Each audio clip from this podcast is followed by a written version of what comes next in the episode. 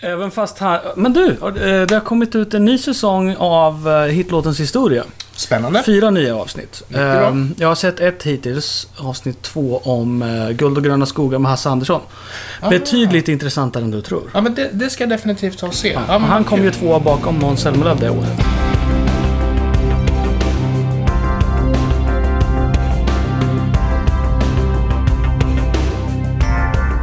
Och med det sagt, välkomna till det, vad blir det, 18 avsnittet av Ja. eh, podcasten Stulet Gods, där vi alltså diskuterar låtstölder. Och anledningen till att vi satt här och eh, småtrevligt pratade om Melodifestivalen, det är för att vi ska sätta Måns Zelmerlöw under luppen. Hej Henrik förresten! Hej, hej Anders! Jättekul att du ville komma tillbaks efter nästa, eh, eller efter förra veckans katastrofinspelning där vi hällde vatten på våra skivor och, och vi stod i.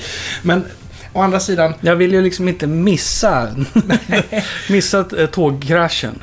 Å andra sidan så är det här Sveriges naturligaste podcast, inte bara Sveriges bästa podcast också. Så vi eh, sitter i hemmamiljö.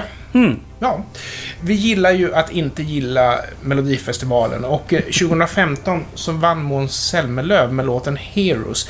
Den låter så här.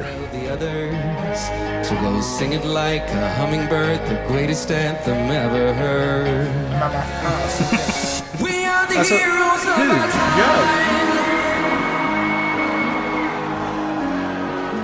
But we're dancing och framförallt så är det refrängen på den där låten. Eh, alltså Måns Zelmerlöw, det är ju...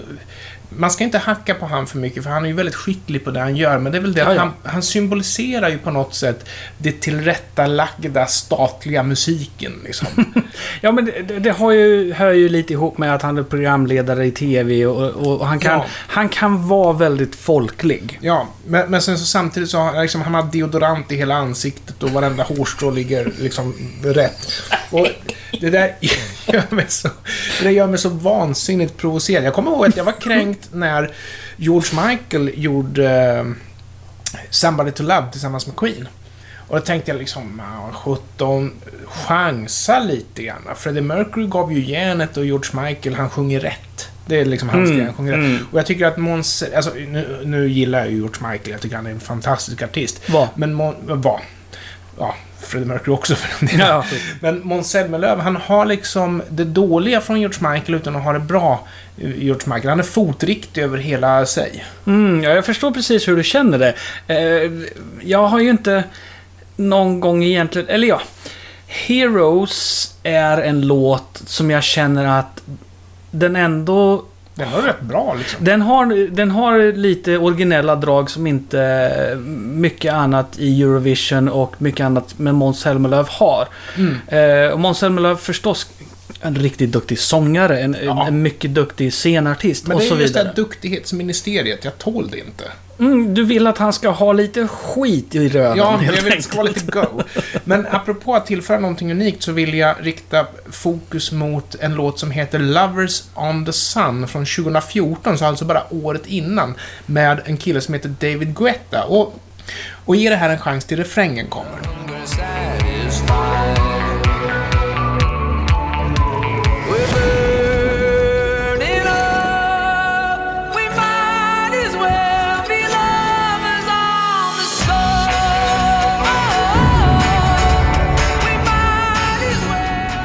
Där har du The Millennial Whoop. Ja, där har jag The Millennial Whoop. Den, den är ju så, såklart bekant med. Och den där kan vi faktiskt återkomma till. Glöm inte bort att vi måste prata om The Millennial Whoop. Och om musikbranschen överhuvudtaget. För det, alltså det, jag tycker det är så talande just det där. Notera att, förutom att nu det här var lite mera cowboy-inspirerat, eller aningen mer i alla fall, så han gör lite grann samma sak. Han går upp väldigt högt och de bryter ner musiken så att de inte har så mycket instrument på. Och sen kommer samma eh, tjohej där. Rätta mig om jag har fel, men finns det inte även en vissling i Heroes? Som påminner om visslingen i Lovers on the Sun. Ja, pass på den faktiskt. Ja. Den. Eh, det finns ju definitiva likheter här. Eh, och det är ju inte ett långt steg att tro att producenterna av Heroes sneglade väldigt, väldigt tydligt på David Guetta när de gjorde den låten. Det följer på varandra som två följer på ett. Det, Mm. det är jättetydligt. Å Eh, andra sidan, det är inte mycket. Har de... Är det formstöld vi pratar om? Nej, det, det, na, ja. Väldigt lite utav det och väldigt lite utav tonerna. Mm. För de gör samma grej. Men, men det, det är för unikt för att man ska kunna säga det. Samtidigt så är...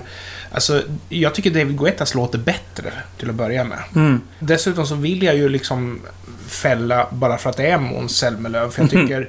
Du blir lite... Du blir förblindad. Ja, men jag, jag blir lite prov, provocerad av de här Mm. duktighetsministrarna liksom.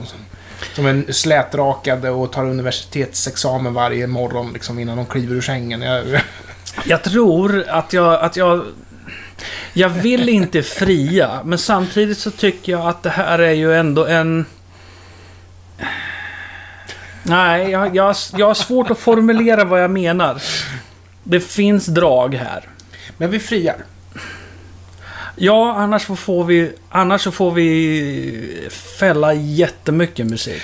Precis, annars får vi fälla jättemycket. Jag, så jag tror det, men det kan vara snott, men då har de ändå gjort någonting eget av Heroes i alla fall och, och snott så pass lite så att det må vara okej. Så därför- Det är ju inte heller en undermålig låt. Det är ju inte... Sant. Det är ju inte uselt.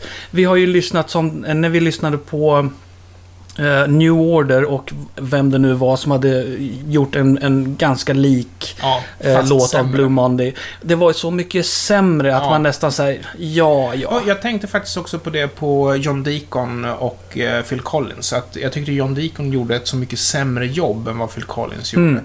Och vilket förvånar mig, därför att John Deacon har ju gjort sig känd för att vara musiker med hög precision, väldigt höga krav. Men sen så i hans sidoprojekt, nej, det är inte så noga liksom. Fast vi får ju inte heller göra sken av att vi låter någon komma undan bara för att det är välgjort. Nej, det är, Men- det är sant. Det är sant. Nej, men det, det är... är ehm, nej, jag kan, inte, jag kan inte säga guilty på det här. Nej. För att det, det som sagt var, då, då skulle vi behöva ta in väldigt mycket låtar och prata om. Hade Måns varit här hade vi tagit han, tagit han i örat och sagt kommer undan med blotta förskräckelsen. Mm, Ja. fy.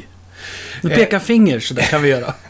Vi har en tendens att göra det, så vi får väl någon gång göra ett YouTube-avsnitt också antar jag. Fast då, då får vi problem med musiken, för jäklar, de har Ah. automatlyssning där. Mm, Viss, vissa artister. Vi har förresten pratat, apropå artist.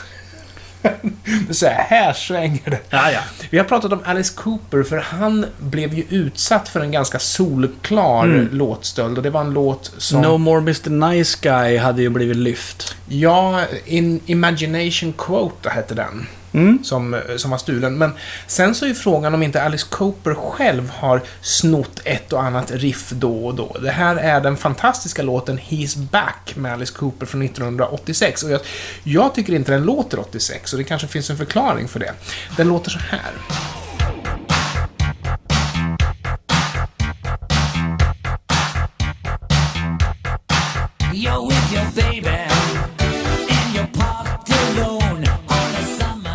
Och det är framförallt det där karaktäristiska basriffet som vi ska lyssna på. Ah, ja, ja, vi, vi går in på det efter vi har lyssnat nästa låt. Det är mina, mina tankar som jag har här. Det påstådda originalet då, Styx, Too Much Time On My Hands från 1981, tror jag att den heter, för jag skriver fel i manus här. Men den låter så här.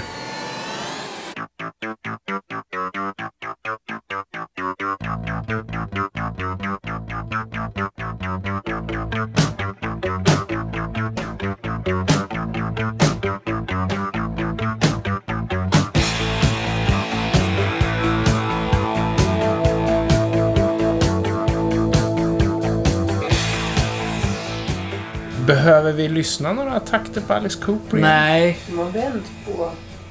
Ja, de har vänt på några toner. det här blir väldigt svårt alltså. För att... Det är... Det, Det är inte riktigt samma toner. De, Mia konstaterade ju att de har vänt på några toner. Men, och sen så i och med att det, det är liksom en ocean av tid mellan de här två låtarna, fem år på 80-talet, det var en enorm teknisk utveckling som skedde på den tiden. Så det är ju en ocean av tid mellan de här.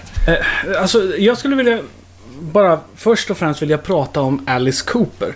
Han var ju en rockikon. Alltså han sysslade ju med rockmusik. Ja, Sen någonstans här, mitt i 80-talet. så som så blev det, andra. så som som flera andra som vi kan tala om. ZZ Top till exempel. Queen också. Plötsligt blev det trummaskin. Syntbas. Bara det är ju helt oförlåtligt vad det Mm. Ja. gäller Alice Cooper. Eh, Ja, men Queen så- släppte ju albumet Hot Space som eh, har dömts ut som det sämsta de någonsin har gjort. Liksom. Ja. Och syntbas. Och, och, och jag förstår inte riktigt varför. Vilken marknad skulle de in på? Jag tror till och med att vi kan prata om Kiss här. Vi kan prata om Kiss, eh, absolut. Vi kan definitivt prata om Kiss, för de gjorde samma sak. Det var bara att Kiss var ju ännu senare på bollen. De, de flörtade lite grann med disco. Eh, men sen så var det ju mot slutet av 80-talet när de började köra trummaskin och syntbas. Eh, plattan Hot in the Shade till exempel. Som är förmodligen någon av de sämsta skivorna de har gjort. Det- blir liksom aldrig bra när rockers ska göra syntetisk musik. Men ändå så kan de inte hålla sig ifrån den här lockelsen. Nej, men och så tänker jag att om du går på en Alice Cooper-konsert år 2020. Ja, Han kommer ju spela He's Back. för För det är det- inte så säkert, men kanske det. Tror du inte det? Ja. Och då är frågan den, hur framförs den? För Ja. inte kommer han ju att köra något slags backing-tape och sjunga till på scen. Jo, om, han, om så, så gör han. Alltså, jag, här, här är jag av helt annan uppfattning. Och jag vet ju till exempel Queen turnerar ju fortfarande, men de kör ju inga låtar från Hot Space. Liksom. Ah, okej. ja. Så, du har samma sak med Roger Waters. Han släppte ju en modern skiva med trummaskiner och grejer. eh, Också ganska sent, 87 eller något sånt där. Mm. Och han turnerar ny turné, ny turné, ny turné. Men ingen av låtarna från Radio Chaos, som den heter, hamnar på någon setlista. Mm. Men om vi pratar om He's Back då. Eh, det här är ju väldigt... Basgången är ju väldigt lik Styx. Styx har väldigt hög status. Ja, gud ja, gud ja. Eh, och då de är frågan lite den... överskattade, men, men man kan inte ta ifrån dem att de Mm. har ju väldigt mycket liksom riktigt, riktigt bra musik. Och då är frågan den, vem skrev eller producerade He's Back? Var det, Killen från Styx. var, det- var det rockkillar som sa okej nu ska vi ha ett modernt sound? Eller var det killar som har ett modernt sound som, Som gjorde den här producera en låten? rockkille, Som ville liksom. producera en rockkille. Mm. Och är det det förstnämnda, då kan jag ju förstå direkt att okej, nu kom Styx in här. Ja. Nu är Styx inte, inte hårdrock på långa vägar. ja, och de har lite sånt också. Men, men jag tror inte att en... Eh, att en eh, mer syntig, eh, dansig, eh, elektronisk producent skulle ha Styx i bakfickan. Jag har lite svårt att se det, men... Alltså Styx har varit ute och... Alltså de var ju till och med inne i musikalträsket under en period och gjorde eh, Kilroy Was Here eller något sånt där. Mm. Nej, nej, förlåt mig. Mr. Roboto. Mr. Roboto, ja. Mr. Roboto. Och blev ju extremt hånade när de försökte bryta ny mark. Mm. Och är lite grann brända på det. Men annars så skulle jag nog säga att nästan, nästan hårdrock är det ju. Det är Mm. hårdrock i alla fall. Det är hårdrock i alla fall. Ja. Ja. Men, men det är det att de är lite för melodiska. De har, ingen, de har inte den här blueskopplingen som till exempel Led Zeppelin har. Men, men de har ju definitivt rent musikaliskt en heavy metal-koppling. Att de gärna gör melodiska saker men utan att ha för mycket distade gitarrer och för mycket skrik och sånt där. Mm. Men om vi tittar 1986. Eh, soul funk eh, var ju rätt elektroniskt. Du hade ju mycket Moog-syntar och sånt där som, som sysslade med åtminstone basbackning. Ja, ja. Notera förresten att Styx hade ju subbas på sin, för de hade ju en eh, elbas som låg bakom syntbasen dessutom. Mm. Men jag tror inte Alice Cooper har någon subbas på sin, utan det är nog bara ett tufft basljud de gillade. Som de... Mm. Oh, jag har svårt att säga någonting här, men alltså det känns ju spontant som att det här är någon, en studiomusiker som bara "Ö, det här är basgången kan jag lira för Det att är inte jag... säkert att det är Alice Coopers fel. Nej. Nej. Och att någon bara, det där är bra att ta med det. Ja. Och han bara, "Ja, men det är ju Styx. De bara, äh, skit i det. Styx? ja, Jag vet inte kidsen vad det är. nej men... Ja, Nej, men jag, jag säger ändå, ändå, jag vill ändå fälla Alice Cooper, He's Back. Jag tycker att de har... Jag vill fälla den eh, killen som lirar bassynten. Eh, och sen så kan jag ju vara tveksam inför övriga i studion som kanske inte riktigt visste vad det var för något. Någon någonstans visste vad det var. Vi ska gå vidare nu och prata om en känd låtstöld. Och det här gör mig lite grann förbryllad. Två låtar som bland rockfolk är tokkända. Det ena, det är Led Zeppelin. Det är den som påstås vara stulen. Den heter Whole Lotta Love från 1969. Och eftersom det här då är ett känt exempel på en låtstöld så kan vi faktiskt nämna den andra artisten på en gång. Det är Muddy Waters som hade You Need Love från 1963. Men jag får inte ihop det här. Jag känner inte till att... Eh, jag känner inte till den här som du nu talar om som en känd låtstöld. Det har jag inte någon aning om. Så att vi får väl Ja. se vad jag med Och- mina färska eh, öron inför det här eh, Ja, precis. känner. Därför att slår man upp You Need Love med Muddy Waters på Wikipedia så påpekas den ut vara förlagan till Led Zeppelins Whole Lotta Love som då de har satt sitt namn på, vilket är definitionen av en stöld. Alltså att man påstår sig ha skrivit någonting man inte har skrivit. Ja. Hade det varit en, ja men det här är våran version av You Need, you Need Love, så är det ju inte en stöld. Vi börjar med Led Zeppelin och det här är alltså en ganska tidig Led Zeppelin från 1969. Den låter så här.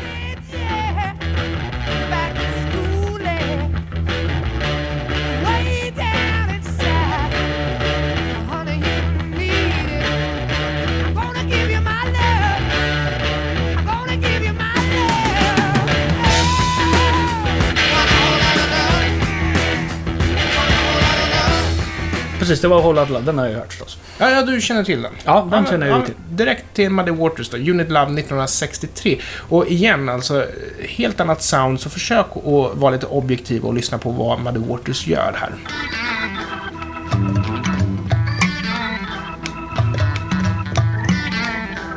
You got yarning, and I got money. Baby, you look so oh, sweet and cunning. Baby, way down inside. Woman, you need love. Woman, you need love.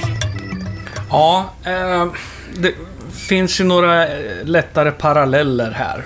Jag tycker att orgeln gör ungefär samma sak som gitarren gör på versen.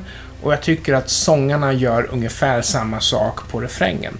Men jag kan inte se annat än att det här är två olika låtar. Trots att det här är en ganska vedertagen låtstöld. Så här undrar jag hur man egentligen resonerar. Jag skulle ju faktiskt vilja höra mer av låten eh, av Muddy isär- Waters. De glider isär sen. Likheterna, för, jag tog det som var mest likt alltså. Ja. Det är ju inte omöjligt att det här har influerat Led Zeppelin. Och jag vet inte vad jag tror egentligen. Det är, det är svårt att säga, men, men de här parallellerna är... De som finns är väldigt tydliga. Eh, man skulle kunna prata om... Eh, Kiss gjorde en låt som heter God gave rock and roll to you too. Alltså två. Den heter två, ja precis. För att eh, den är baserad på en annan låt. Men det är en cover samtidigt som det är en egen låt. Eh, och, man har ju då krediterat, nu flyr det mig vad de hette som gjorde originalet. Det var heter, en men- kristen rockgrupp alltså, som såg som väldigt progressiv när de höll på. Därför att de spelade en mycket hårdare rock än vad som ansågs vara acceptabelt inom kristen rock. Men där har du ju en grej åt andra hållet. För även om Kiss har gjort en ny låt baserad på den gamla God Gave Rock and Roll To You, så har de satt God Gave Rock and Roll To You, alltså originalupphovsmännens namn på låten. Så de har ju aldrig... De har gjort någonting nytt utan att ta credit för att det är någonting nytt. De hanterar det som en cover. Men Ja. de insinuerar med tvåan att det här är våran version utav det. Medan här, Led Zeppelin, de, de liksom, BAM! Satte sitt namn på det här. Ja, absolut. Eh, Och jag, jag känner väl att även om det nu rörde sig om 63 och 69 Muddy Waters var ju inte någon okänd liten skit, skiva. Nej, nej, nej, nej. Utan det här var ju en av de mest respekterade bluesmusikerna någonsin. Och då kan man inte förvänta sig med att komma undan. Nej, och där har ju Jimmy Page en... eh, Vi vet ju om att han gillar blues, liksom. Mm. Så det är ju ingen hemlighet där. Jag lutar mot att tycka att Led Zeppelin har ingen koppling annat än inspiration från Muddy Waters Unit Love. Så jag vill frikänna det här. Orgeln i Muddy Waters är... Ja, den är ju bluesig, den är jazzig, den är, den är eh, inte så strikt utan det är mer att han har suttit där och jazzat loss lite. Och sen har du den här upprepningen av You Need Love, You Need Love som kan speglas med Whole Lotta Love, Whole Lotta Love. Kan vara en slump. Ja, det är nog inte en slump, men det är, det är fortfarande en tillräckligt egen grej skulle jag säga. Och det är inga millennial whoops i någon av låtarna tror jag. Inte någon av de Jag tror där. inte den var uppfunnen på den tiden. Nej, eh, det skulle man kunna säga helt säkert. i alla Men kan vi inte spara millennial whoop till nästa gång vi, vi träffas nästa Vi söndag? ska lura ut någonting fantastiskt att säga om Millennial Warp. Om du inte vet vad det är för någonting då, då kommer du förmodligen ha eh, en chock. Ja, du kommer att vilja lyssna på nästa avsnitt dessutom. Och jag, jag tror att om Henrik är ungefär som jag i sinnet så kommer det spys en del galla över musikindustrin. Men det, det tar vi väl som en liten varning. Vi har inte blivit svartlistade på iTunes än. Så. Förbered er för Musikchocken i avsnitt 19 av Stulet Gods. Tack för att ni lyssnar. Vi hörs nästa vecka. Adjö!